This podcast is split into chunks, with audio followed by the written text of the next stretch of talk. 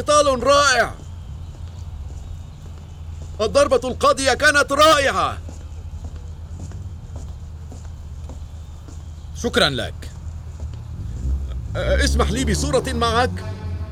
بالطبع. أشكرك يا أيها البطل. أنت الأفضل حقا. شكرا شكرا. إلى اللقاء. أستاذ حاتم فوز رائع اليوم. أشكرك يا ويليام. نسيت حقيبة تمريني في الأعلى. هل تمانع بإحضارها؟ بالطبع لا. صعد حاتم إلى السيارة واقترب متشرد من الشباك وبدأ يتكلم مع حاتم قائلا. تملك بعض النقود؟ أنا جائع حقا. هل أعرفك؟ لا أعتقد ذلك. أعيش في الشارع. لا أعرف أي أثرياء هنا. بلى. أنا أعرفك. تبدو مألوفا جدا لي. آه منذ زمن طويل كنا صغارا وكنت تضربني دائما.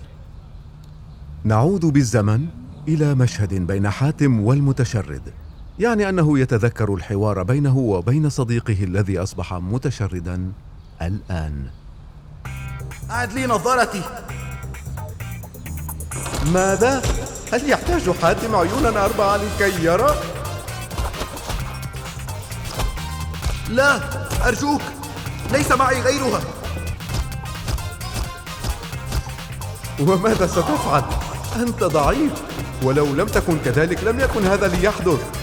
سأكسر نظاراتك أراك لاحقا يا حاتم الأحمق. مايك تذكرتك. لقد كنت تتنمر علي.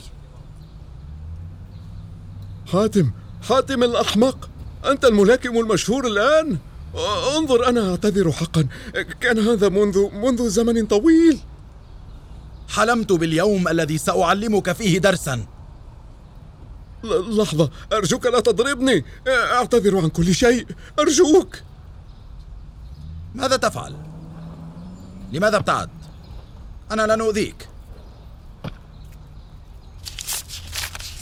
ماذا؟ هل تعطيني النقود؟ كل هذا لي أنا.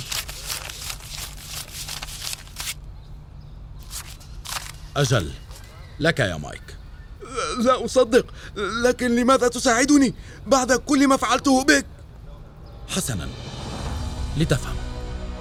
كل مرة ضربتني بها كنت أجلس وأبكي. كنت غاضبا لأنك تؤذيني. لكن بعدها قررت أن أتعلم كيف أدافع عن نفسي. لذا بدأت بممارسة الملاكمة لأنني لم أرد أن أكون ضعيفا. ومع مرور الوقت بدأت بالتفوق في الملاكمة. تفوقت حقا وأصبحت من أفضل الملاكمين في العالم.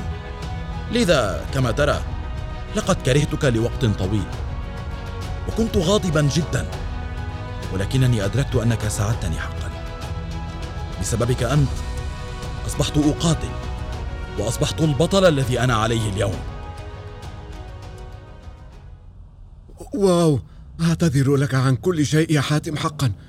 لا أفتخر بما كنت عليه. تفضل. هذه بطاقتي. اتصل بي في أي وقت وسأفعل ما يمكنني فعله لمساعدتك. ستفعل كل هذا لأجلي أنا؟ طبعا لأنه بطريقة أو بأخرى أنت ساعدتني لكي أصبح ما أنا عليه اليوم. شكرا لك يا رجل شكرا. هات يدك لنتصافح.